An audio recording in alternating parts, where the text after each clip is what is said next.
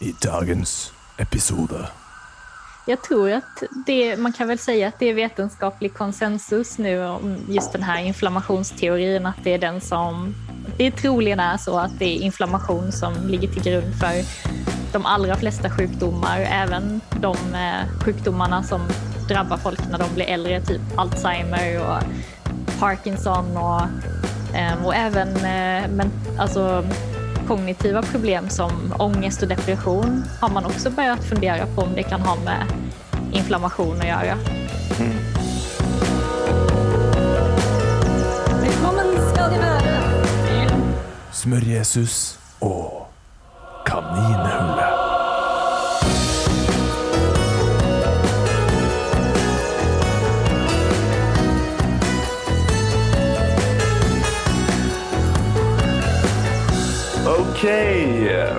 Velkommen, folkens, tilbake til Smørjesus og Kaninhullet.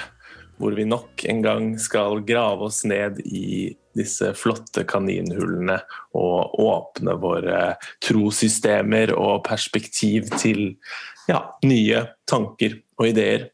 Uh, gjesten jeg har med meg i dag, er en uh, gjest som jeg har vært veldig spent med å prate med.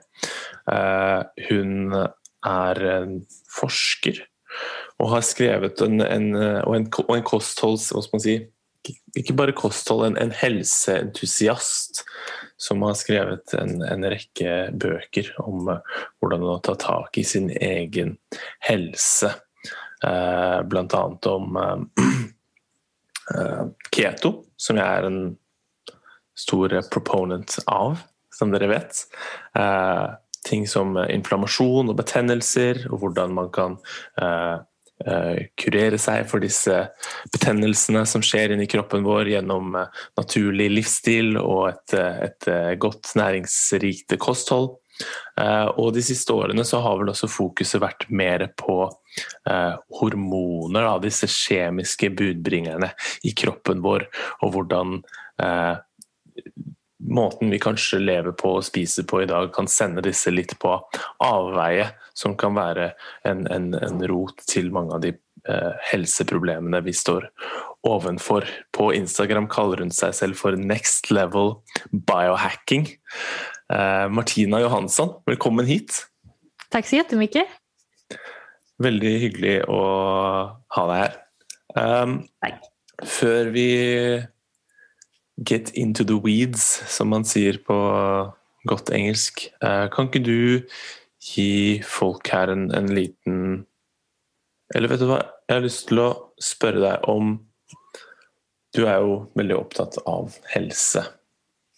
Yes. Og gi lytterne litt, eh, en liten bit av kanskje din historie om hvordan uh, du fick denne lidenskapen? Er det noe som alltid har på en måte vært en del av deg, eller er det noe, noen spesifikke hendelser i livet ditt som gjorde at du ble sendt ned denne stien? Ja, alltså jag har väl alltid varit ganska intresserad av hälsa men eh, det har också varit svårt att förstå vad som är hälsosamt och hur man kan leva hälsosamt. För jag tyckte att jag var väldigt eh, liksom, noga med hur jag åt och hur jag levde och sånt eh, när jag var typ tonåring och 20, 21, 22 och sånt där. Men jag fick inte så bra resultat av min livsstil. Jag, var, jag levde som vegetarian och eh, var väldigt noga med kosten på ett sätt men var samtidigt väldigt sjuk och blev sjukare och sjukare. Och jag hade just problem med väldigt mycket inflammationer, betännelser i eh, mag-tarmkanalen. Jag hade eh, inflammatory bowel disease bland annat och eh, var ofta sjuk, liksom, ofta förkyld och halsfluss och trött, mycket ångest, deppig, sov dåligt. Så jag tyckte liksom att min hälsa var inte bra. Trots att jag tyckte att jag levde ganska okej okay och försökte ta hand om mig och sånt. Eh, men så när jag var typ 25 så fick jag liksom nog av att vara trött och må dåligt och känna mig sjuk hela tiden. Så att eh, det var då som jag kom in på det här med inflammatorisk eller antiinflammatorisk kost, att man kanske skulle kunna äta på ett annat sätt. Att man kanske inte måste vara vegetarian eller vegan utan det kanske finns ytterligare ett annat sätt för att kunna må bättre. Och det var så jag hittade ketogenkost eller low carb. Eh, och efter att jag hade lagt om kosten och börjat må bättre och bättre och bättre så blev jag ju mer nyfiken på vad kan man mer ändra? Har jag, vad har jag mer missat? Liksom? Eh, är, det, är det något annat man kan lära sig för att må ännu bättre? Och i takt med att jag då lärde mig mer så, eh, så började jag utbilda andra i vad jag hade lärt mig. Så jag började liksom blogga och skriva och sånt. Och eh, efter typ tio år så var jag väldigt ehm, eh, ganska välutbildad inom det här hur kroppen fungerar och sånt. Så att, eh, sedan typ ett år tillbaka så forskar jag på ett universitet så att jag är doktorand inom medicin. Ehm, så att ehm, det har liksom, jag har bara liksom grävt mig djupare och djupare i det här och liksom fått bättre och bättre resultat och blivit intresserad av att andra också ska få bra resultat. Så typ så. Härligt. härligt. Så du, du var i en tillstånd av mycket inflammation ehm, du levde ett vegetarkosthåll. När du ser tillbaka nu, vad tror du det var med den måten du spiste på som skapade all denna inflammationen? Jag tror det var att jag åt alldeles för mycket socker. Jag åt väldigt mycket gluten och väldigt mycket grönsaker som innehåller antinutrienter, mycket lektiner och fytater och ämnen som liksom bara irriterar tarmarna väldigt mycket. Mm. Och, um, och så drack jag väldigt mycket kaffe och var väldigt stressad. Så det var så många grejer som jag gjorde som bara inte var bra. Vi kan ju, vi kan jo oppklare lite. Inflammation är ju ett begrepp som blir kasta runt. Men, eh, men vad är det egentligen en inflammation är och hur er det de, det oppstår inflammation i kroppen?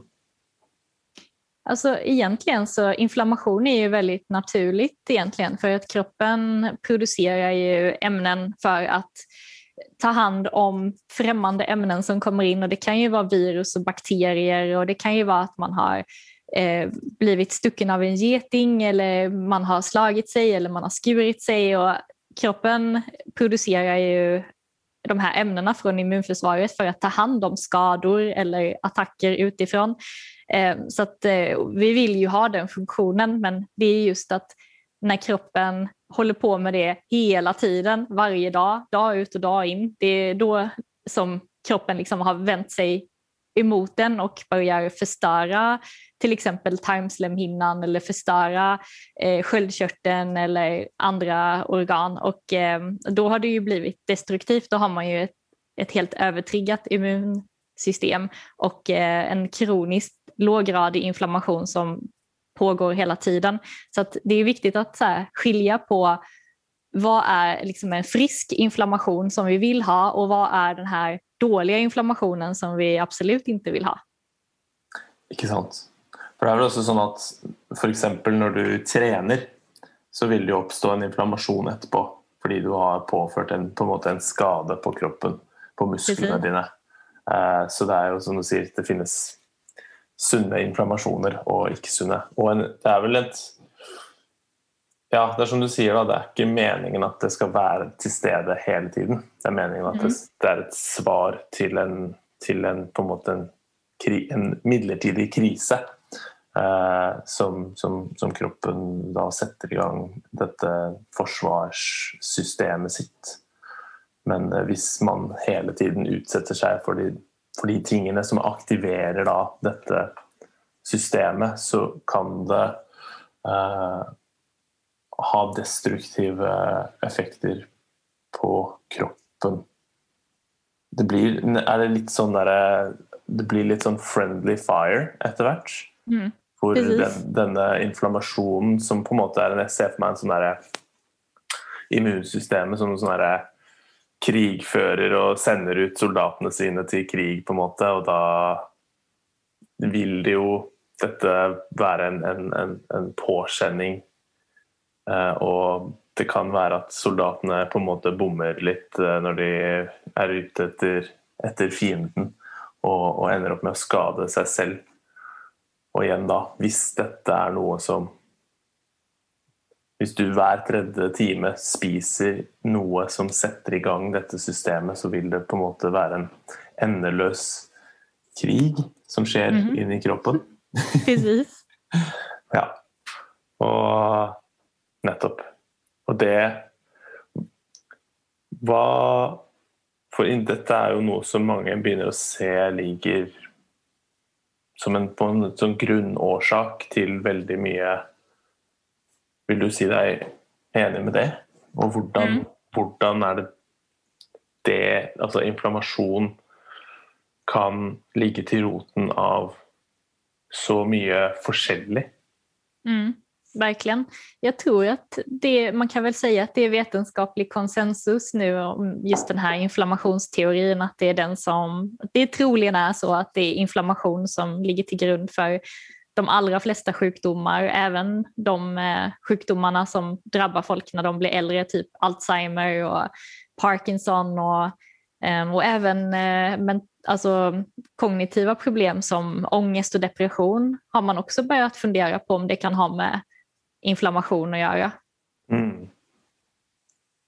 Ikke sant. Ikke sant. Ja, jag har sett lite på, på vetenskapen runt det, att det är väldigt många likhetstrekk. Eh, F.eks. mellom depresjon og, og inflammasjon, og at mange som er deprimerte, også har høye eh, en høy tilstedeværelse av inflammasjon. Da. Mer eh, inflammatoriske kjemikalier i, i, i blodet. Um, yes. Så Ja, da kan vi jo snakke litt om hva er det som da kan sette i gang inflammasjon? Mm. Alltså, mycket har ju med kosten att göra och det är därför som jag har varit så intresserad av mat och hur man kan äta bättre för att det börjar oftast där. Alltså visst, det har att göra med sömn och träning och hur man mår och allt sånt också men just att hela tiden liksom bombardera sina tarmar med till exempel eh, ja, men, toxiska grönsaker eller dricka jättemycket kaffe eller eh, ja, men, äta saker som man inte tål. Det kommer ju leda till inflammation i längden om man gör det varje dag. Så att, eh, det är oftast, oftast är det ju att man äter grejer som man inte borde äta. Så att, ehm, ja, men, I Norge till exempel så har jag förstått att det är extremt populärt med gröt och bröd.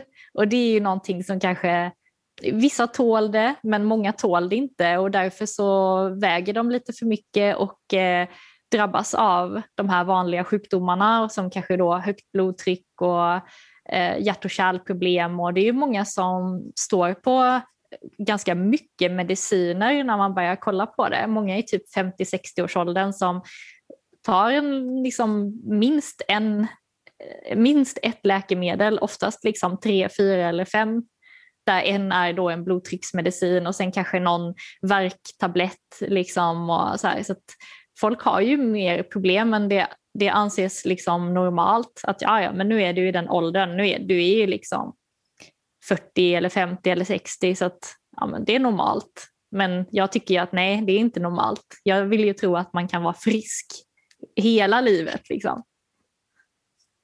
Ikke sant? Det, ja, det er jo Ja, det spørs hva som er Hva som man definerer som normalt, på en måte. Normalt ut ifra hvordan vi er ment til å leve, hvordan vi kanskje har levd i, i mesteparten av vår levetid som en art. Mm. Um, kontra de siste 100 årene hvor man ser at uh, ja, sykdomskurven har jo bare føket i været. Mm. Um, så yes, grøt og brød, det er eh, våre nasjonal... eh, kan ikke komme her og prøve å ta fra oss eh, brødsk brødskiva vår, eh, Martina. Nej. Men hva på en måte Ja. Så inflammasjon, det, det det kan ha en psykologisk påvirkning. Det har jo en fysiologisk påvirkning. Eh, disse to er ofte veldig sterkt knyttet, er jo det man, man, man ser også. Um, ehm, men du nevnte grønnsaker Mm som kan være inflammatoriske. Der er det sikkert mange som kan være overrasket over å se på en måte, eh, Det ble jo jeg selv. At disse grønnsakene som vi har blitt eh, Som har på en måte blitt satt på en, en, en trone om eh, hva som er det sunne for oss. At mange av disse grønnsakene faktisk eh, kanskje ikke er så sunne. Har du noen eksempler på det? Ja, till exempel bönor och linser skulle man kunna ha som exempel. De innehåller ju väldigt mycket fytinsyra och lektiner som är ämnen som kan vara väldigt irriterande för tarmslemhinnan. Eh, och sen, jag menar, de flesta grönsaker som vi ser när vi går in i en mataffär är ju inte naturliga. De hade inte sett ut så i sitt naturliga liksom, tillstånd utan de flesta är ju eh, alltså framodlade för att de ska innehålla mer kolhydrater, mer socker och de ska vara godare Mm. för oss att äta. Om man tittar på liksom en naturlig morot jämfört med hur morötter ser ut idag. En naturlig ursprunglig morot är liksom bara ett gäng rötter som inte går att äta. Och så är det med väldigt mycket grönsaker. Att vi har ju odlat upp dem eller avlat fram dem för att vi ska tycka att det är gott. Eh, och eh, därför så innehåller de ämnen som inte alltid är så himla bra för oss. Så antingen innehåller de för mycket socker eller så innehåller de för mycket fibrer eller så innehåller de eh, giftiga ämnen för att typ djur har ju klor och tänder och sånt som de kan försvara sig med men växter har ju inte det så de behöver ju producera kemikalier för att försvara sig för att inte de ska bli uppätna. Eh, och de kemikalierna försvinner ju ibland när vi kokar och tillagar men ibland inte. Så att är man då en väldigt hälsomedveten person som äter väldigt mycket råa grönsaker, jättemycket så här gröna smoothies, Eh, så kan man få i sig extremt mycket oxalater. Oxalater är ett annat ämne som eh, eh, kan alltså, byggas upp i kroppen och som om man tittar på de här oxalaterna i ett mikroskop så ser de ut som typ glassplitter. Så att många som har problem med värk eh, kan då kanske ha en historia av att ha fått i sig väldigt mycket oxalater. De kanske äter väldigt mycket nötter, fröer, spenat, sådana liksom, grejer som innehåller mycket växtgifter helt enkelt. Mm. Ikke sant? Typiske eh, superfoods, egentlig. Precis, precis. Men eh, ja, som du sier, da, at plantene har i denne kampen om overlevelse, hvor eh, de ønsker jo ikke å bli spist på samme måte som at vi ikke ønsker å bli spist, eller en tiger eller rådyr ikke ønsker å bli spist. Mm. Men siden de ikke kan løpe av gårde eller kjempe med sine klør altså Noen har jo utviklet torner og, og du har brennesle, jeg vet ikke hva det Ja. heter på svensk, sånne ting som, kan, sant, som er tydelig at er der for å, at du ikke skal komme i kontakt med dem. Men ja, den, den veldig sånn Kanskje mest skadelige er jo den kjemiske krigføringen som, som, som skjer når plantene kommer inn i, i kroppen til Mm. hvilken som helst predator som prøver å ta seg en jafs, ikke sant? Mm. Eh, og at de kan forstyrre det indre miljøet på så veldig mange forskjellige måter. Du nevnte fytinsyre, ikke sant, som gjør at du eh, s- svekker absorpsjon Eller det, de fester seg vel til mineraler, som gjør at de blir utilgjengelige for oss. Ikke sant? Du kan eh, ha sånne fytoøstrogener som etterligner østrogen i kroppen vår, og kan tukle til med hormonbalansen der. Mhm. Eh, lektiner som kan Mm. feste seg til eh, til celler i kroppen vår og sette i gang da, inflammatoriske responser eh, og sånne ting. Og det er jo egentlig veldig sånn åpenbart når du tenk, tenker på det. Hvis du skulle gått ut i skogen og prøvd å spise liksom en plante, Mm. hvilken som helst plante, så er det en veldig stor sannsynlighet for at du ville sant, blitt dårlig i magen. Eller noen planter er jo død, dødelige, til og med. Ja, absolut. Ehm, så Også da, men når du nevner nøtter, da, som er Ja. barnet til, eh, til treet, som skal sikre dette treet sin, sin, sin overlevelse videre, så, så ønsker de å beskytte dette barnet. Og det gjør de jo da med disse antinæringsstoffene, som det heter. Ehm, men du nevnte også sukker. Mm. På hvilken måte eh, s- driver socker fram inflammation? Alltså socker, om man äter tillräckligt med socker så får man ju en blodsockerhöjning. Och får man en viss nivå av blodsockerhöjning så kommer kroppens immunförsvar att börja frisätta cytokiner som är en signalmolekyl som börjar liksom signalera till immunförsvaret att eh, okej, här händer det någonting. Ehm, och ju, ju mer av, de här cytokinerna som man har, ju mer inflammatorisk respons får man. Så att en person som får ett väldigt högt blodsockerpåslag flera gånger per dag eller flera gånger i veckan kommer ha en ökad produktion av cytokiner och därmed en ökad eh, aktivering av immunförsvaret. Så att eh, det här kanske inte händer om man mest äter grönsaker eller saker som inte innehåller så himla mycket socker. Men det kan räcka om man är väldigt känslig, om man äter till exempel mycket potatis och Mm. eh, även typ sötpotatis och sådana saker som vi kanske tycker är mer nyttiga. Typ att man äter grovt bröd eller svart eller brunt ris eller Mm. sådana saker. Liksom, att det, är fortfarande, det blir fortfarande väldigt mycket socker och fortfarande den här liksom, anstormningen av cytokiner som bara flaggar till immunförsvaret att eh, ja, men här händer det någonting. För det är inte normalt för oss att jag menar, nu är det ju normalt för oss att ha en blodsockerhöjning på typ 3, 4, 5 enheter eh, i den här moderna världen. Men liksom, om man backar tillbaka typ 10 000 år så var det ju ingen som hade ett blodsocker på typ, eller ingen fick en höjning från 4 till 9 liksom. Men vad, vad skulle de ha ätit för att få den höjningen? Det är väldigt konstigt och onaturligt egentligen. Mm. Sant? Med mindre man kanskje var heldig Det var en person som snublet over et eh, veps, vepsebol. Eller altså, Ja. eh, fikk, fikk honning, da. Ja, ja, Men men det precis. sånn Den eneste kilden jeg kan se for meg, er det som kunne skapt en så høy blodsukkerstigning. Men det er jo en ganske sånn Ja, var sikkert vanskelig å, å Det var en skatt disse biene og vep- vepsene ikke gir fra seg så lett.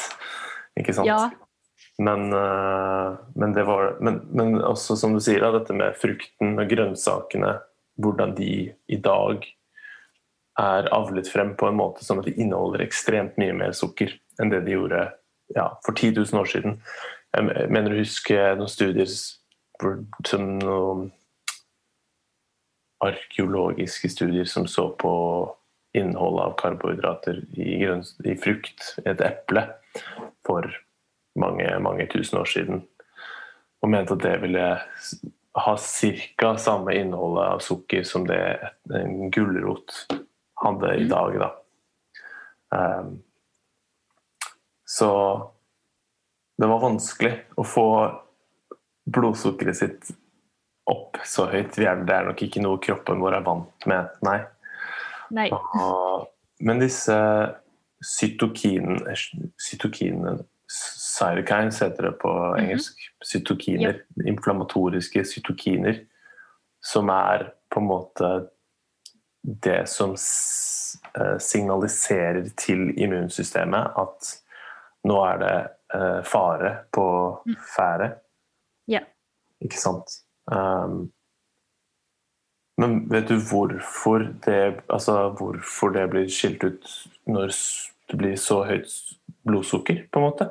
Er det, hvorfor er dette s- høye blodsukkeret så skadelig? Jag tror, det, jag tror det är för att så här, naturliga sätt för människor att höja sitt blodsocker väldigt mycket, det är genom stress. Jag menar, om man mäter sitt blodsocker när man tränar hårt till exempel, om jag går ut och springer nu så snabbt jag bara kan, då kommer mitt blodsocker öka kanske fyra enheter för att mina muskler behöver mobilisera glukos. Och eh, då är ju kroppen liksom igång och bara okej, nu händer det någonting här. Uppenbarligen så behövde vi jättemycket blodsocker, musklerna är aktiverade, eh, vi behöver eh, kortisol och massa så stresshormoner för att överleva. Och eh, inflammation är ju en sån här överlevnadsmekanism att liksom höja kroppens kapacitet, så jag tror det är därför. För Mm. att just såna här små, små pikar av inflammation är ju ganska bra för det höjer ju vår kapacitet och vi får liksom mer, det är ju så här kärlsammandragande och om man kan, eh, om man kan till exempel köra eh, intervallträning så att man får så här, eh, sm- små typ bursts av alla de här stresshormonerna och typ eh, inflammationsmolekyler och sånt så stärker vi ju immunförsvaret istället. Mm. Så eh, ja, jag tror det har ju en funktion att eh, för att kroppen upplever blodsockerhöjningen som en stress och då kommer liksom hela stressresponsen igång, inklusive de här cytokinerna. Ja, ok.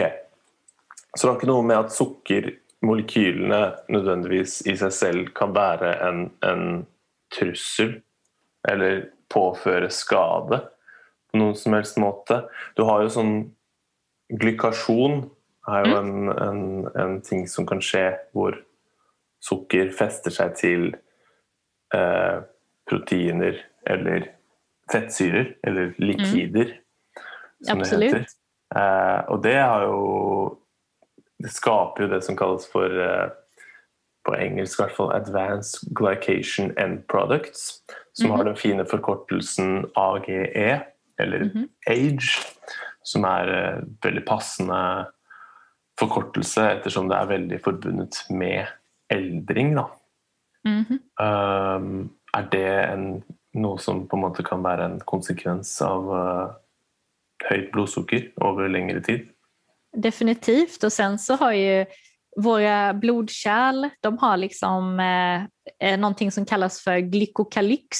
Så att blodkärlens, eh, precis som att eh, tarmslemhinnan har, eh, liksom, de har ju eh, skydd så att inte ämnen ska komma igenom tarmslemhinnan och ut i blodet så har ju eh, våra blodkärl har ju också en sån här skyddande hinna som heter, så i tarmarna så är det tarmluddet men i, på blod, i blodkärlen så är det den här glykokalyxen och Mm. högt blodsocker förstör ju den här glykokalyxen också så att även alltså blodkärlen blir mer genomsläppliga så att ämnen kan komma in där också och när blodkärlens eh, celler blir genomsläppliga då kan ju det bildas inflammation där och då kan ju till exempel eh, kortisol och liksom, ja, eh, kolesterol till exempel påverka och eh, göra så att eh, blodkärlen blir väldigt trånga och eh, ja, det ökar ju risken för stroke och sånt.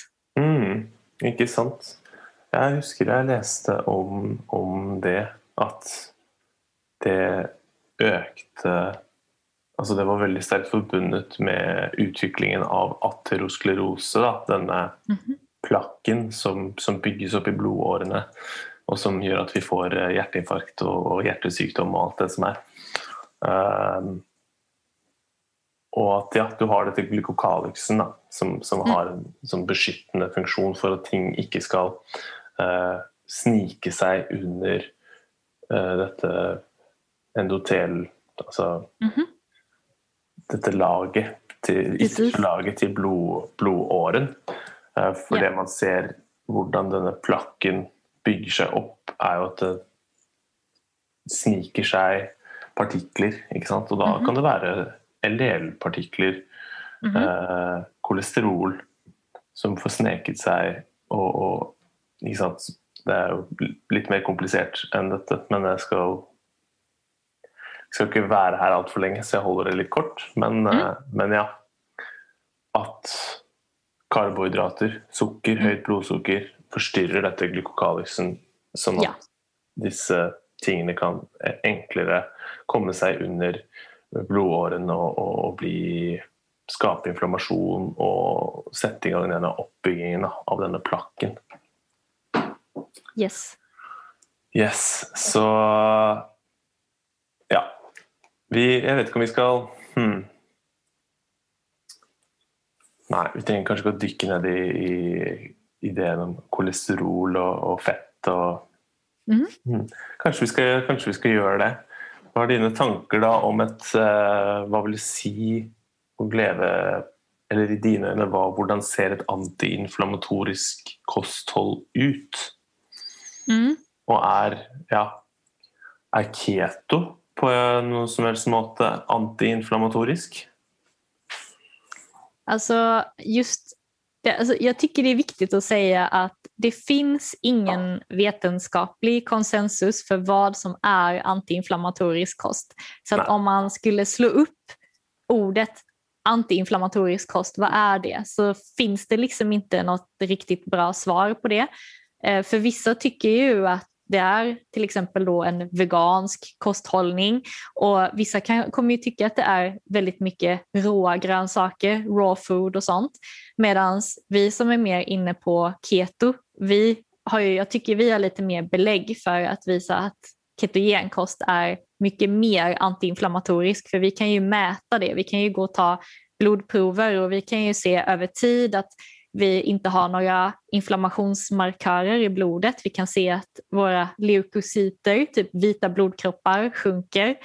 Ehm, och det är ju för att vi har ju tagit bort allting som är irriterande för magen och tarmarna. Vi har ju tagit bort alla fibrer, vi har ju tagit bort alla växtgifter och vi har ju bara ehm, animaliskt fett och protein kvar och så lite icke-toxiska grönsaker. Så att det är en väldigt bra grund. Men sen så om man vill ta det ett steg till så kan man ju testa en helt karnivorisk diet som har blivit väldigt populärt. Liksom. Om man söker på carnivore eh, på Instagram eller på Google så kommer man få upp hur mycket resultat som helst med folk som fixar olika sjukdomar med eh, bara animalisk kost. Och för vissa tycker jag att det är helt galet att man bara äter kött och fett från djur. Men det är ju om man tittar tillbaka i tiden liksom för typ 10 000 år sedan, 20 000 år sedan, 100 000 år sedan när människan levde som jägare och samlare. Vad åt vi? Liksom? Vi åt ju typ inälvor, lever, hjärta, hjärna.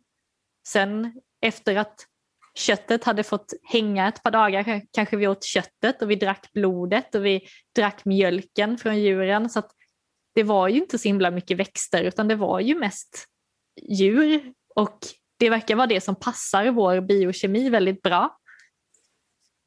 Ikke sant? Ikke sant? Det er jo Det er jo For meg så gir det mening at Altså, vi er jo kjøtt. Vi er jo en mammal. Vi er jo et Mhm. pattedyr, ikke sant? Mhm. Pattedyr er jo i stor, stor grad bygd opp av de samme næringsstoffene. Eh, kontra i hvert fall gå inn i planteriket da, og se Mm. hvordan de fungerer. Så bruker de jo veldig forskjellige typer næringsstoffer til å gjøre de samme tingene som, som på en måte kroppen vår gjør. Eh, vi, vi puster jo inn oksygen, og de puster jo inn karbondioksid. Ikke sant? Det er jo to veldig Biokjemien i disse to forskjellige eh, Skal man kalle det?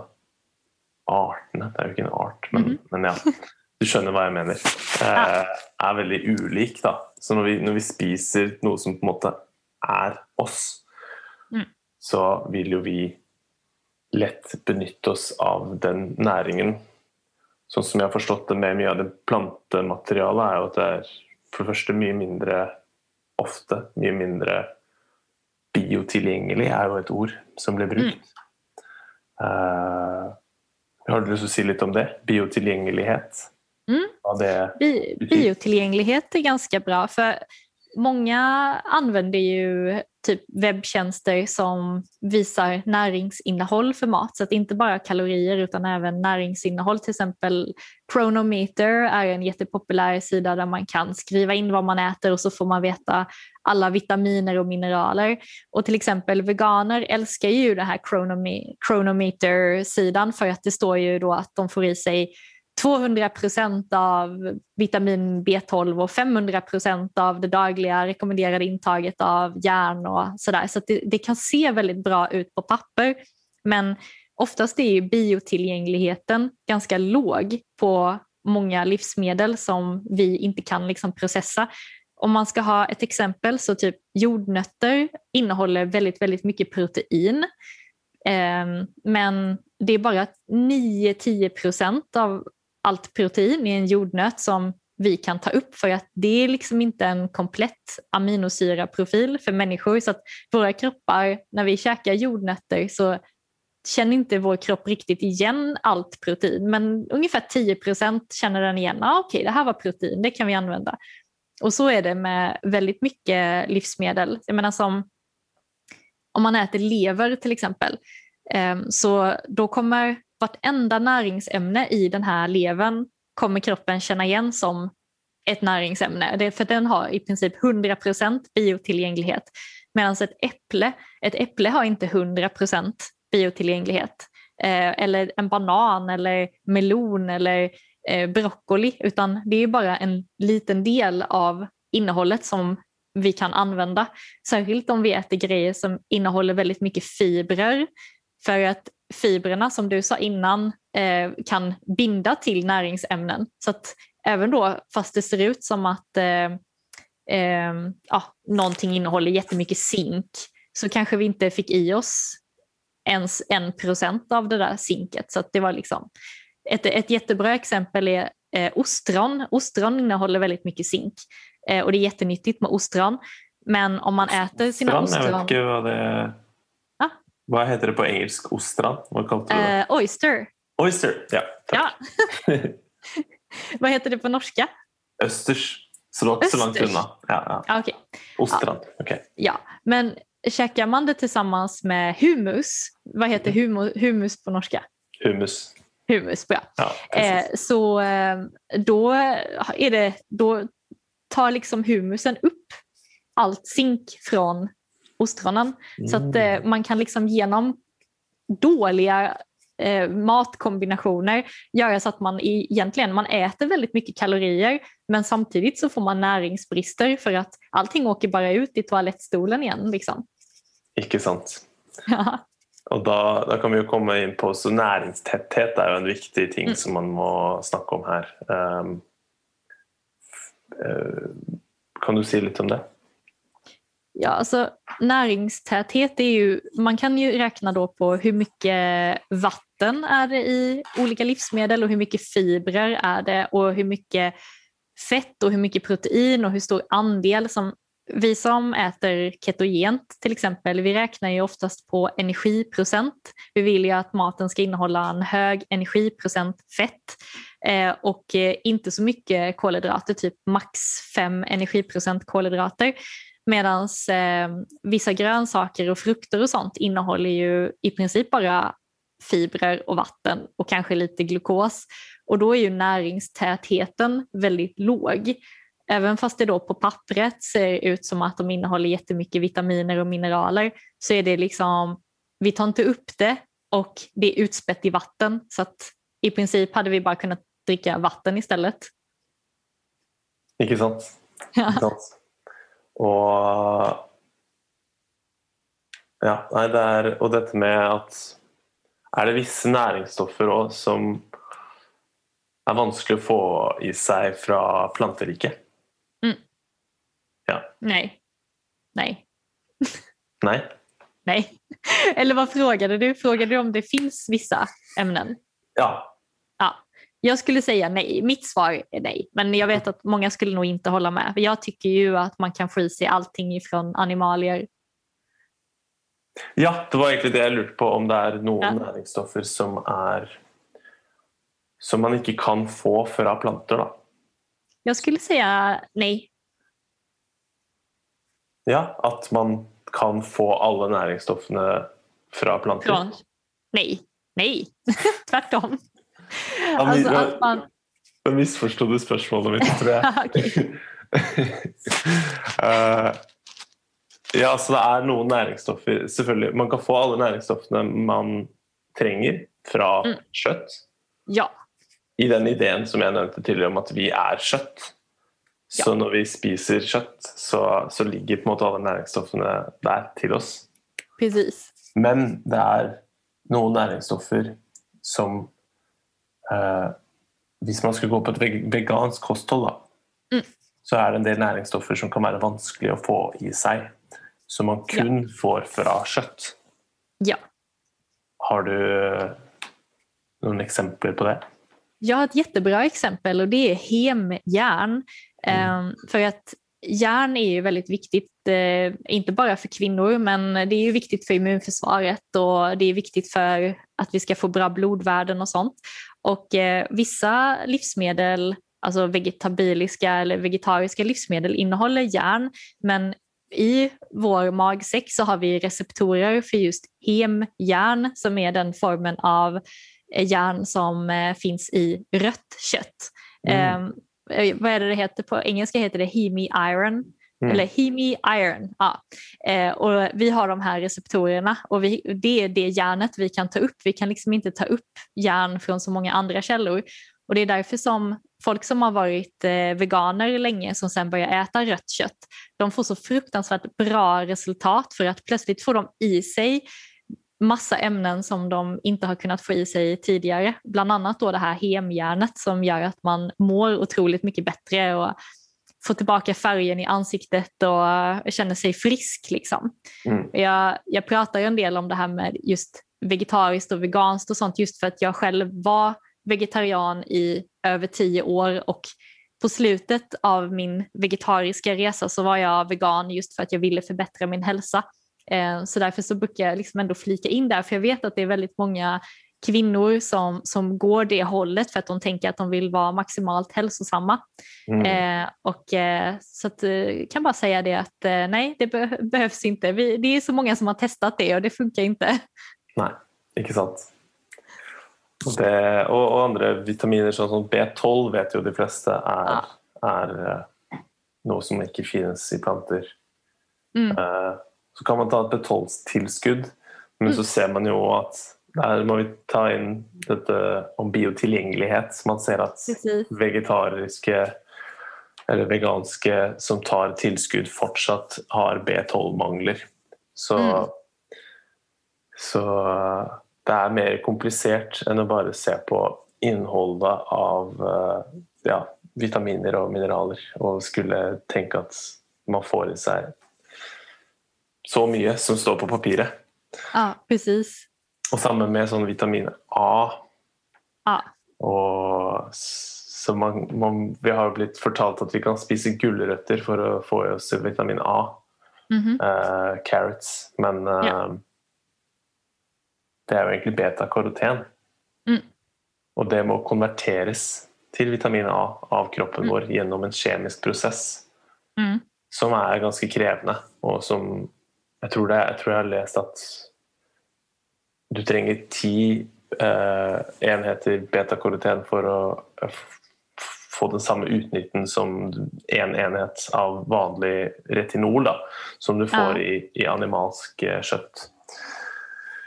Og samme med, ikke sant, så kan man gå ned omega-3, Mhm.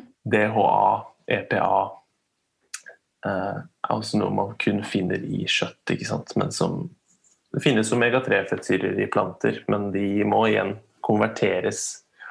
Og det er ikke kroppen sånn kjempeflink til. Mm. Så det er lett at det kan oppstå mangler av disse mineralene og næringsstoffene. Da.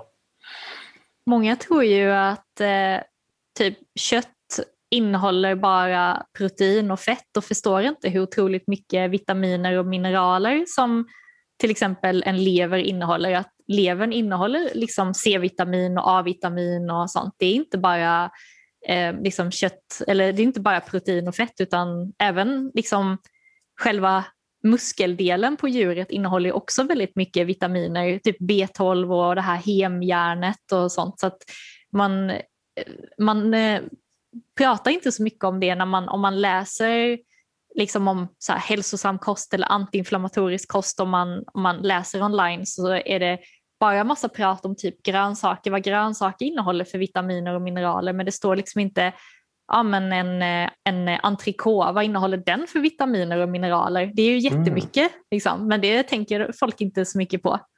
Nej, Nej jag får lite prat om det. Ja. Men det är det som är intressant med den här carnivore-bølgen, som börjar att på en måte bare sprenge hodene til folk fordi det mm -hmm. Har så otroligt stora resultat på ting som man har tänkt har varit uh, uh, uhelbredeliga. Ikke sant? Mm -hmm. Verkligen. Uh, folk som reverserer ting som, som diabetes type 1 mener jeg at kanskje ikke reverserte, men i hvert fall holde ting veldig i sjakk og, og, og du er du Jeg mener å sett det på, på Instagrammen din nå, at du tester ut carnivore selv, eller? Har du, har du jag, erfaring med det? Vad är din erfaring med det? Jag testade första gången 2018 och sen så körde jag fyra veckor, nej jag körde två veckor i somras, väldigt väldigt strikt carnivore och nu kör jag igen väldigt strikt. Så att nu är det bara kött och fett från fyrfota djur, så bara typ ko, gris, lamm just nu. Mm. Ja. så inga, inga grönsaker alls. Och inget smör heller. Ingen smör heller? Nej. så, så långt har jag inte turt att gå ännu. Men uh, det kommer nog att ske på ett tidspunkt. Ja, men det är kul jag... att testa lite. Ja, absolut. Och jag testat carnivore på sådana fyra veckors ja. basiser tre gånger. Ja. Och det är ingenting som får mig att känna mig bättre egentligen. Nej. Det är, eh, det är väldigt intressant att känna en positiv påverkan på humör, energi, sömn, mm -hmm. eh, hud. Eh, jag kan få lite sån tegn till torr hud vissa steder mm. och sånt som försvinner när ja, jag bara spiser kött. Så det är väldigt intressant eh, fenomen. Mm -hmm. Men kanske vi ska gå vidare för jag, jag, det, vi kan ju snacka, vi har ju massor vi kan snacka om. Mm -hmm. Jag hade lust att snacka lite om eh, hormoner. Ja, visst. Du har skrivit några böcker om det. Jag har bland annat en hemma som jag har fått låna av min eh, väninna Karin Boslef. Ja. Eh, hormonbibeln. Ja. Um, for det har jeg skjønt uh, med tanke på sånn, i hvert fall sånn Eller vet du hva, Vi, la oss snakke litt om hormoner først. Mm. Og vil du si at det er også et av de store måte, problemene i dagens helseverden? At eh, vi har hormoner ute av balanse? Ja, alltså det känns ju som att utöver kroniskt låggradig inflammation och inflammatoriska sjukdomar så är det också väldigt många som har hormonella obalanser. Men när jag var på eh, en konferens i, ja, utanför Oslo för, förra året, tre dagar av bara stoffskiftes stoffskiftessjukdomar, heter det så? Ja. ja. Eh, och eh, det, det är ju nummer ett, alltså de här stoff, stoffskiftessjukdomarna eh, är ju otroligt vanligt men även problem med fertilitet, könshormonerna, eh, binjurarna, utbrändhet. Um, så att, uh, ja, och sen insulinresistens och allt det där också såklart. Diabetes typ 2, metabol ohälsa. Så att allting hänger ju ihop. Liksom. Ja. Och har man insulinresistens, vilket de väldigt, väldigt många har, så har man oftast problem med sina könshormoner också. Män mm. kanske som har låg testosteron, kvinnor som har lågt progesteron, eh, kanske har problem att eh, få barn eller inte ha eh, regelbundna cykler eller väldigt smärtsam mens eller väldigt mycket PMS och sådana saker. Så att det känns som att det ökar ju väldigt mycket och sen så då sänkt förbränning och eh, problem med sköldkörteln som, ja, eller stoffskiftes... Vad heter det? Stoffskiftet? Ja. ja. Tyroidea, är det det? Ja, precis. Ja. Mm. Nettopp. Så jag vet inte om detta är uppenbart för alla, men jag kan ju eh, ställa dig spørsmålet så att kan, mm. vi kan få upp. Vad, vad är ett hormon? Mm. Ett hormon är ju en signalmolekyl i kroppen. En, eh, en molekyl som är designad för att kommunicera antingen från hjärnan, från hypofysen eller hypotalamus till ett målorgan, till exempel då tyroidea liksom, eller binjurarna eller äggstockarna eh, eller levern eller någonting och där ska den då ha en, en eh, verkan på det här målorganet, till exempel eh, könshormoner då som signalerar från hjärnan ner till äggstockarna eller till testiklarna att de ska producera testosteron. Ehm, så att, ehm, ja, men det är en signalmolekyl som talar om vad olika organ ska göra i kroppen. Icke sant. Och när dessa kommer i obalans så alltså, fungerar inte kommunikationen som den ska. Mm -hmm. Og de viktige kjemiske prosessene som skal til for å f.eks. produsere testosteron, blir forstyrret. Mm. Og det Hva vil du si er den underliggende ting igjen om hva som forstyrrer Du nevnte en insulinresistens. Mm -hmm. Men er det andre nyckelfaktorer på en måte som ligger i Stress skulle jag säga. Stress, mm. eh, särskilt eftersom vi har ju våra binjurar som producerar kortisol som är stresshormonet och eh, kortisol konkurrerar liksom ut könshormonerna. Så att en man som alltid är kroniskt stressad, han kommer ju ha massa kortisol som konkurrerar ut hans testosteron. Och eh, en kvinna i motsvarande situation kommer ha kortisol som konkurrerar ut hennes progesteron så att inte hon får någon ägglossning och blir infertil. Men män kan ju också bli infertila men vad som brukar hända för män är att de tappar håret istället. Mm. Så det kan vara en orsak till hårtapp, rätt och slett? Yes, absolut. För mycket stress? Mm -hmm. Mm -hmm det, kan det också då vara ett tecken på infertilitet? Eller inte nödvändigtvis? Tror, tror inte det, men eh, många, många har ju båda liksom att de har dålig spermieproduktion, dålig spermiekvalitet och liksom dålig fertilitet.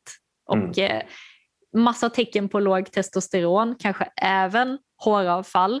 Alltså, man kan ju ha ärftligt håravfall, att alla män i ens släkt har tappat håret men sen kan man ju ha en annan typ av håravfall där det kommer väldigt tidigt eller det är väldigt accelererat på grund av stress. Och det sker när testosteronet blir lägre än DHT, eh, dehydrotestosteronet, det andra mer liksom viriliserande testot som ger typ skägg och hår på bröstet och sånt. Mm. Det är mm. också ansvarigt för håravfallet. Mm -hmm. Nettopp. Mm -hmm. Så stress är en uh, nyckelfaktor. Kan du säga lite mer om de på en måte För det är ju lite sånn som en inflammation är ju Stressresponsen är ju där mm -hmm. som en sån midlertidig forsvarsmekanisme. Verkligen. Sant? Som, Yes. som vi egentlig ikke var ment å gå rundt og akt, ha aktivert Nej. over lengre tid. Det Nei. var korte eh, instanser med liksom stress, og så Mhm. Som regel etterfulgt av eh, enten død eller at man kunne liksom senke ned pulsen og ta livet med, med ro igjen. Da.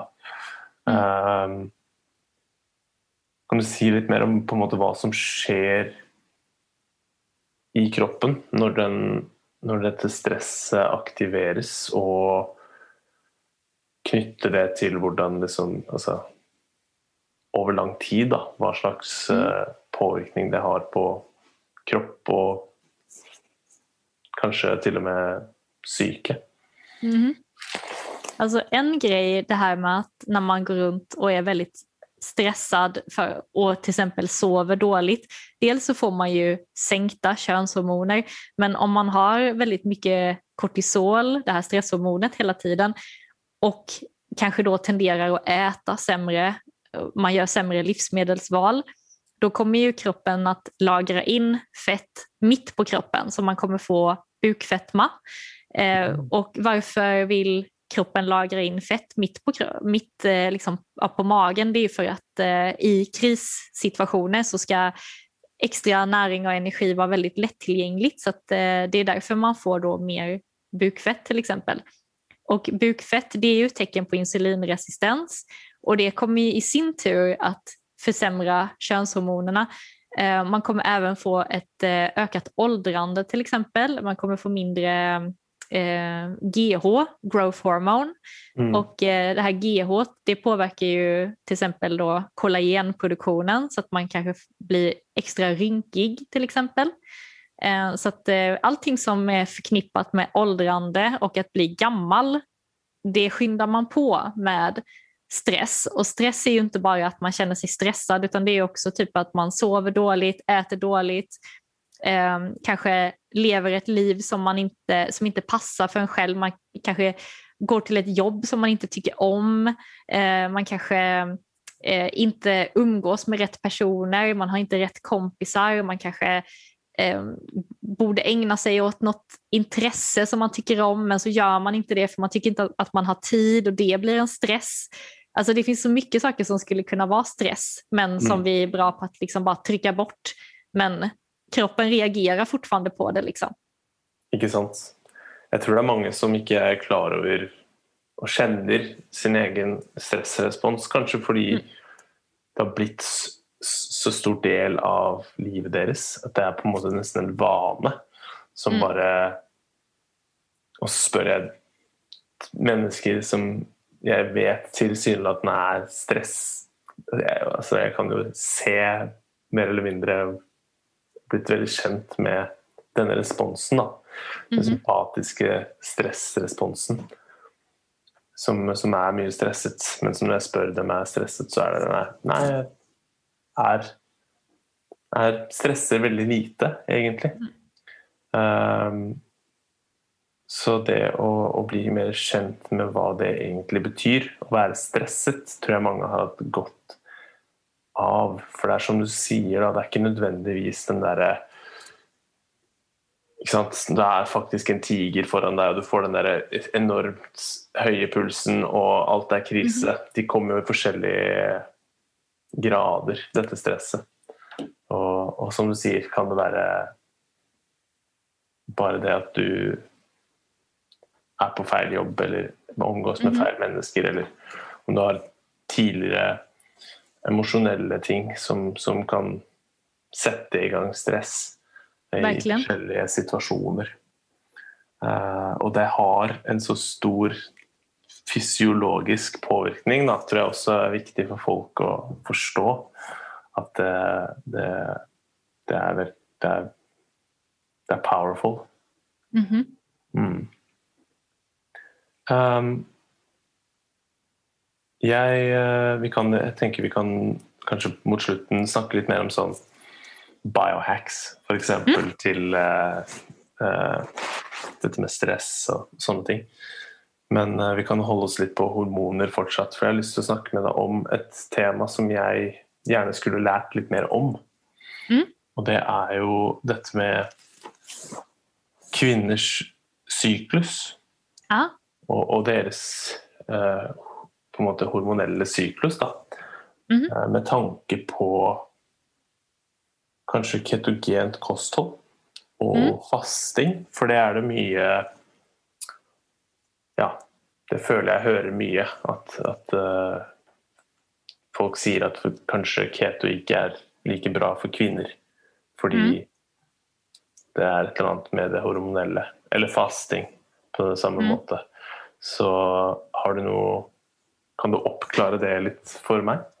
Alltså jag förstår att folk kan säga att ketogen kost och fasta kanske inte passar kvinnor lika bra, men jag tror att det beror på hur många kvinnor väljer att äta ketogen kost. Att det är många som kanske då tar bort kolhydraterna men de lägger inte till tillräckligt med till exempel inälvsmat. De lägger inte till tillräckligt med fett så att det blir att de kanske äter mycket grönsaker, frö, eh, nötter men inte så mycket bra fetter som typ ister, talg, smör och eh, då blir det att de äter för lite och det blir en stress, kanske sker en stor viktminskning och eh, då kommer det drabba könshormonerna. De kanske får liksom oregelbunden ägglossning eller utebliven ägglossning eller eh, får problem med fertiliteten.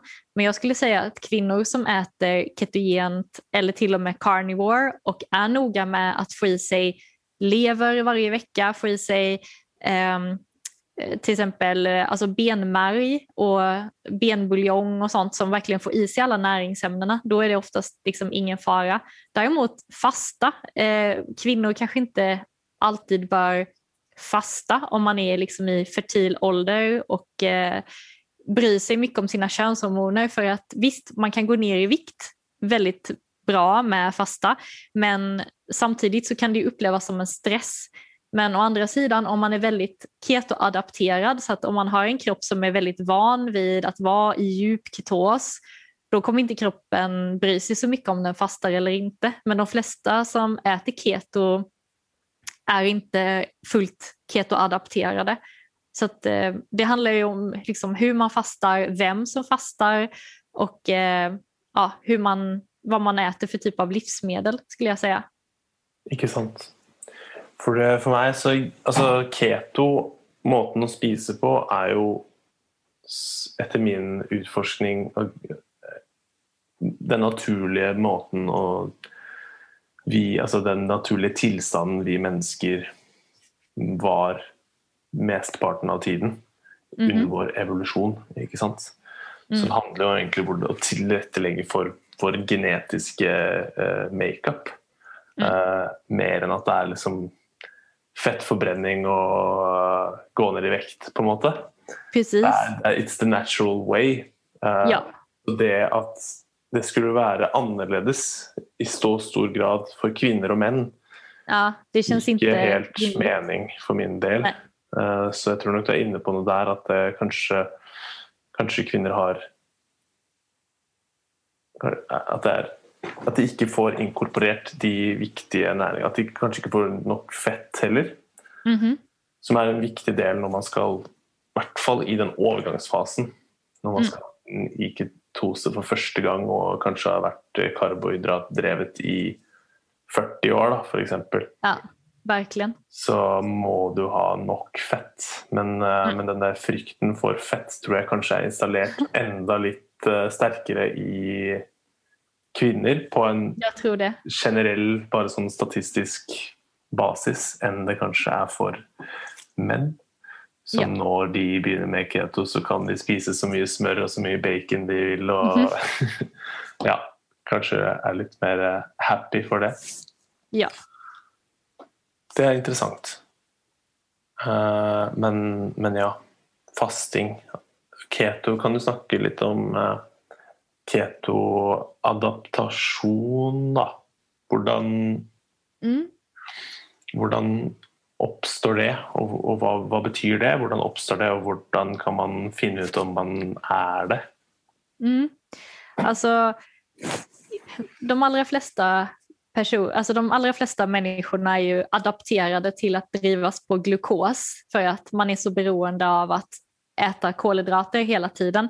Men när man tar bort det och blir helt ketogen, i början kommer det ju vara väldigt trögt och jobbigt och man kommer känna, känna som att man inte har någon energi för att kroppen förstår inte att den kan använda fett och att den kan producera ketoner och att man kan drivas på ketoner istället för glukos. Men det är alltså några veckor av att det är trögt och jobbigt, kanske typ tre, fyra veckor eller någonting sånt. Och sen så kommer kroppen bli mer och mer anpassad och till slut så kommer den acceptera att ah, men okej, det här med fett och ketoner, det, jag kanske kan acceptera det i alla fall. Och då kommer det kännas eh, eh, bra att driva sin kropp på fett och man kommer liksom inte bli trött utan man kommer ha energi och kunna gå och träna och sådana saker. Så att eh, om man är ihållig och liksom fortsätter käka ketogent även när det känns jobbigt och trögt. Så till slut så kommer man bli adapterad och kroppen kommer vara okej okay med att använda fett och ketoner. Och man vet att man är ketoadapterad när man liksom kan gå ut och springa eller man kan gå och ta ett gympass utan att man har ätit en enda kolhydrat och det känns liksom bra. Det känns som att ja, men jag behövde inget extra, jag kunde gå och köra och allt kändes som vanligt då är man adapterad skulle jag säga. Ja, inte sant. Eller kan fasta eh, ja. en längre period ja. utan att känna sult. Ja, men alltså om man, om man kan vara utan mat i 24 timmar utan att dö, ja. här, det, det är ett bra tecken. Liksom. Då är man på rätt spår. Inte sant. Inte sant. Um, keto är uh, ett, eh, ett eh, intressant eh, ämne. Um, ehm, kan jo For det er også kanskje en myte som er, som er veldig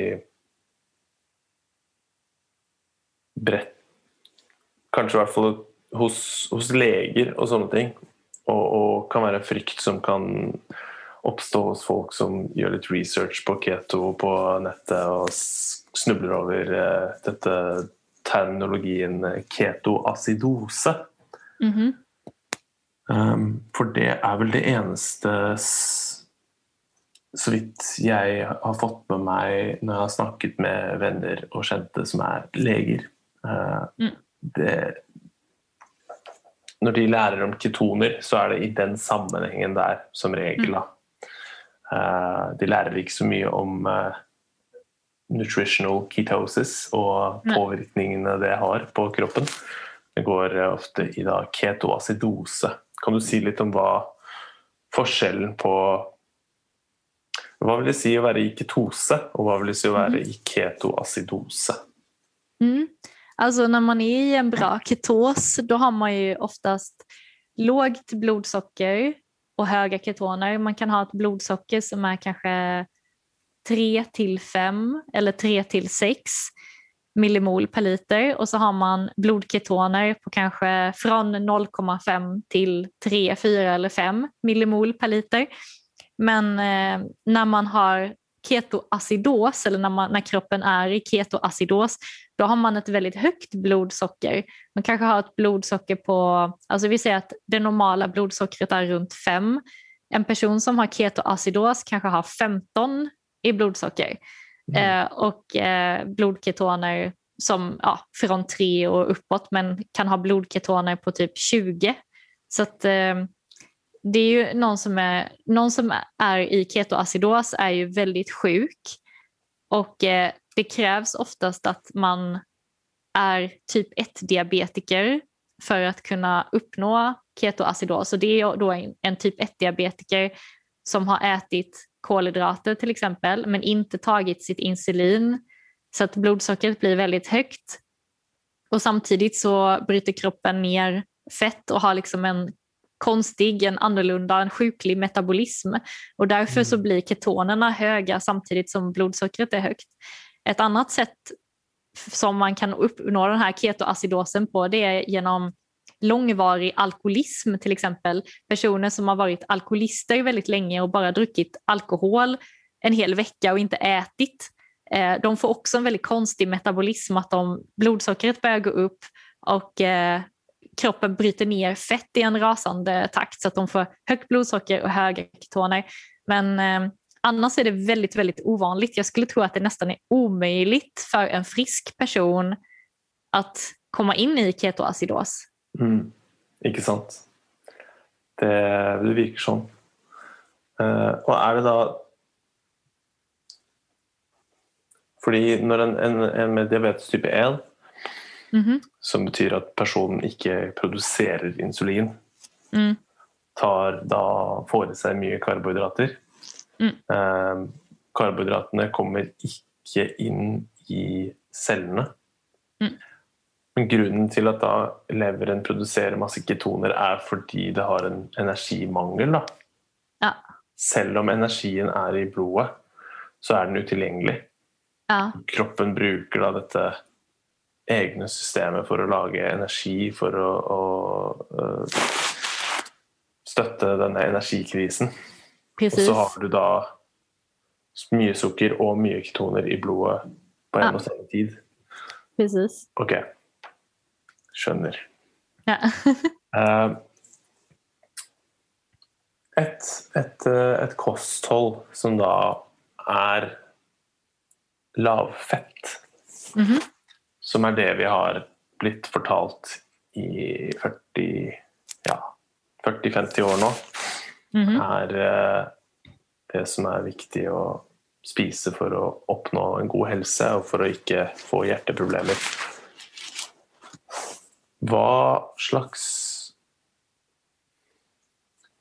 konsekvenser har et kosthold med lite fett med tanke på hormoner eh, og sånne ting eh, på kroppen Mm. vår? Jag tycker att en, en kosthållning med väldigt lite fett, det gör att kroppen inte kan, dels kroppen kan inte producera hormoner lika bra eftersom hormoner är ju oftast uppbyggda av fett till allra största del. Men sen så får vi inte glömma att även våra cellmembran är uppbyggda av fett. Så att eh, äter man väldigt lite fett så kan man få för tidigt åldrande i form av att man blir mer rynkig och Eh, man får liksom en försämrad cellstruktur, man får en försämrad cellfunktion eftersom alla, vi är uppbyggda av celler och varje cell har liksom ett membran runt sig som bestämmer vad som ska komma in i cellen och vad som ska komma ut. Och eh, äter vi väldigt lite, set, äter vi väldigt lite fett och liksom får eh, försämrade såna här membran så kommer ju de kommunicera sämre med andra celler och det kommer liksom, de kommer ha svårt att ta upp näring och sånt. Och jag skulle tro att det ökar risken för att få dåliga celler som inte fungerar som de ska.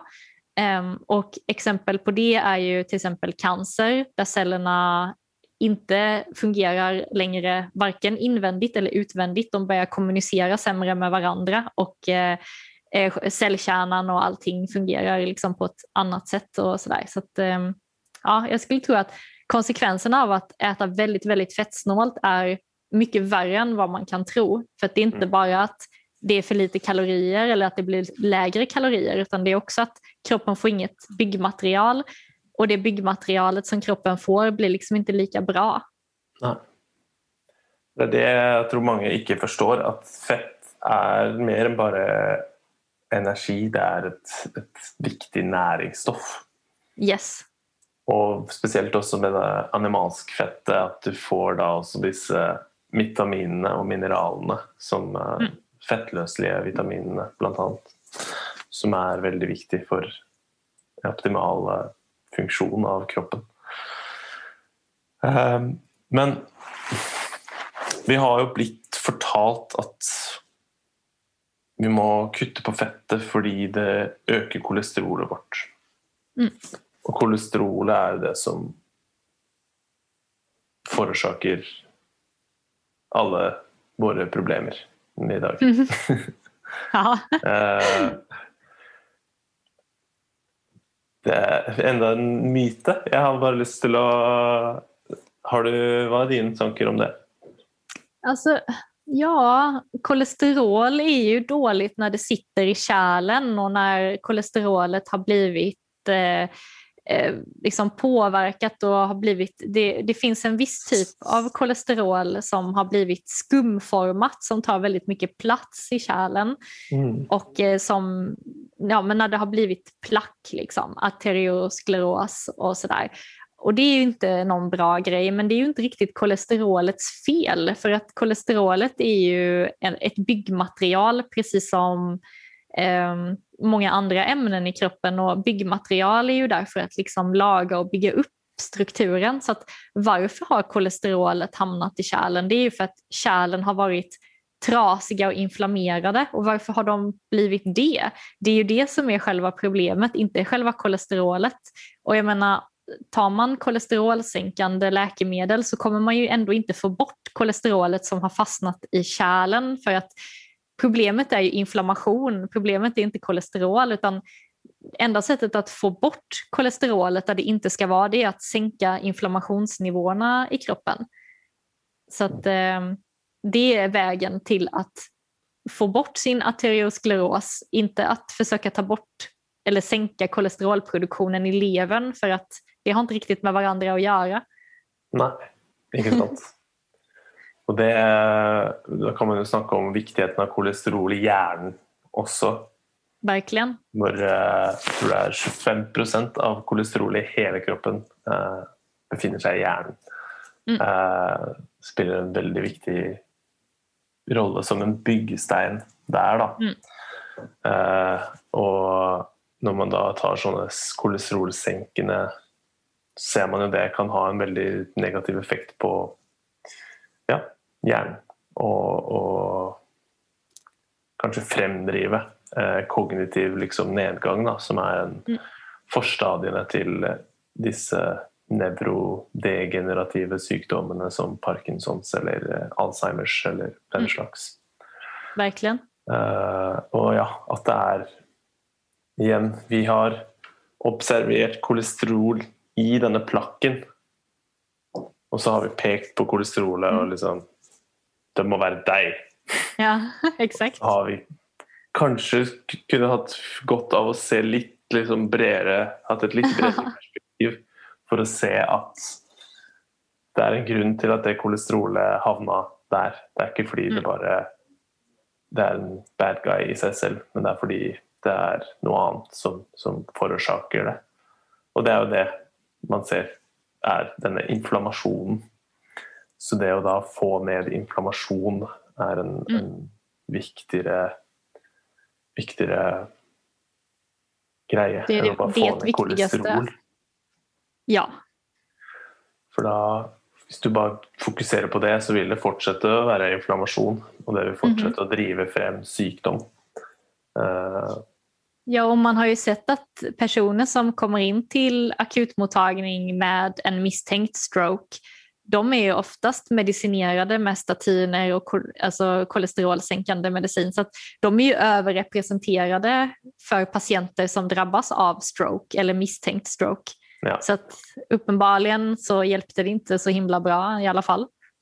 Nei, ikke sant. Og jeg leste nylig et studie hvor det var på, på folk som var inntatt i sykehus for eh, hjertesykdom eller infarkt eller den slags, så at halvparten hadde normalt eller lavt kolesterol. Mm. Så, så den hypotesen som det er, er for lengst utdatert. Mm. Men det er eh, Av en eller annen grunn så er det Så bare holder vi oss fast til den ideen og bare «Åh, Jeg har lyst Ja. til å slippe den. Verkligen. Mye stolthet, tror jeg, og, og selvfølgelig kommersielle krefter som, Mm. som man ikke skal eh, altså, Som man kan nevne uten å være nødt til å ta på seg en tinfoil hat, liksom. Mhm. Det jeg skal ikke bare legge det under en stol. OK. eh, hvor var det jeg ville nå? Um, la oss eh, til slutt snakke litt om eh, biohacking. Mm. Um, for det Din historie minnet veldig om min egen. I at jeg, eller jeg snublet inn i keto. og merket liksom den store påvirkningen det hadde på min velvære. Mm. Og så var det sånn Ok, hvor, hvor, hvor, hvor, lenge, hvor langt videre kan jeg ta dette her? Hva annet er det jeg kan gjøre for å gjøre livet mitt bedre? Exakt. Og da har det vært en reise ned Det var jo Dave Asprey med Bulletproof Diet som satte i gang hele min reise. Og han er jo vel den personen som claimer selv, i hvert fall, å ha coinet uh, phrasen To coin the phrase uh, biohacking, da. Ja. Hva er det biohacking betyr, og hva er det det handler om? Alltså, jag skulle vilja säga att biohacking betyder att ta kontroll över att påverka sin egna kropp och sin egna biokemi, sin egna biologi och försöka lära sig och förstå processerna i sin kropp och se vart man kan gå in och påverka. Ikke sant? I, og, og hva slags um, Hva slags type biohacks er det du har fått mest ut av? Oj, ja. Alltså jag tycker ju att de allra enklaste biohacken är de som är bäst. Typ de Ja. som grundar sig i bara så här enkla livsstilsgrejer som meditation till exempel. Daglig meditation. Typ eh, eh, HRV-breathing, så här att man andas på olika sätt för att öka sin hjärtvariabilitet och öka sin syresättning och aktivera det parasympatiska nervsystemet så att man kan varva ner och sova bättre. Mm. Eh, typ eh, sova med tyngdtäcke så att man har ett täcke som väger typ 8, 10, 15 kilo så att man får så här, eh, typ eh, serotonin och eh, oxytocinfrisättning när man ska sova. Eh, och eh, ja, men typ kallduschar till exempel Mm. för att öka fettförbränningen och för att också komma in i parasympatiskt tillstånd med bättre lugn och sänkt puls. Och eh, ja, men alltså, mm, ja, sen, alltså ketogen kost är ju det bästa biohacket men Ja. utöver det liksom. Ikke sant? Uh, ketokost og ja, meditasjon, trening Ja. i sånne der enkle Men så kan man jo gå videre ned stien i forskjellige pusteteknikker. Som Mm. du sier kalddusjing, uh, neurofeedback Ja. og eh, blue light Ja, blocking. absolut. Er det noe du eh, har drevet med? Mm. Mm, absolut, jag tycker det är viktigt att begränsa skärmar och sånt på kvällen så att man begränsar det blåa ljuset. Kör mycket så här blue light blocking och kvällsrutin och försöker typ varva ner två timmar innan jag ska sova och ja, he- hela den där rutinen liksom. Så biohacking er egentlig en sånn En måte å tilpasse igjen da, Mm. Det genetiske materialet vårt, sånn at det fungerer sånn som det skal. Ja, Gjennom at den mm, verden vi lever i i dag, er ganske fjernet fra, fra den naturlige måten å leve på, men ved å hacke dette, da. For eksempel eh, blue light blocking er jo et veldig godt eksempel, fordi blått lys Mhm. er noe som er overalt nå, ikke sant? ja, alle skjermene vi ser på, lyset i butikkene, og, og eh, vi er st- strømmet med blått lys. Når vi levde som jegere og sankere, så var det på en måte blått lys kun eh, en viss periode av dagen, og det kom fra sola, ikke sant? Mhm. Så da, ved å begrense dette gjennom å bruke blålysblokkerende briller, sånn som disse her er, faktisk eh, er, ja, jag ser det. ja. Får litt sånn blått eh, skjær i, i brilleglasset mitt. Men ved å begrense disse, da, så, så, så påfører det ikke like mye skade, og du kan på en måte etterligne den naturlige måten, selv om du lever i denne virkeligheten her, da. Mhm. Skjønner. Skjønner. Mhm. Hva, hva holder du på med om dagen, Martina? Hva det dine store prosjekter i disse dager?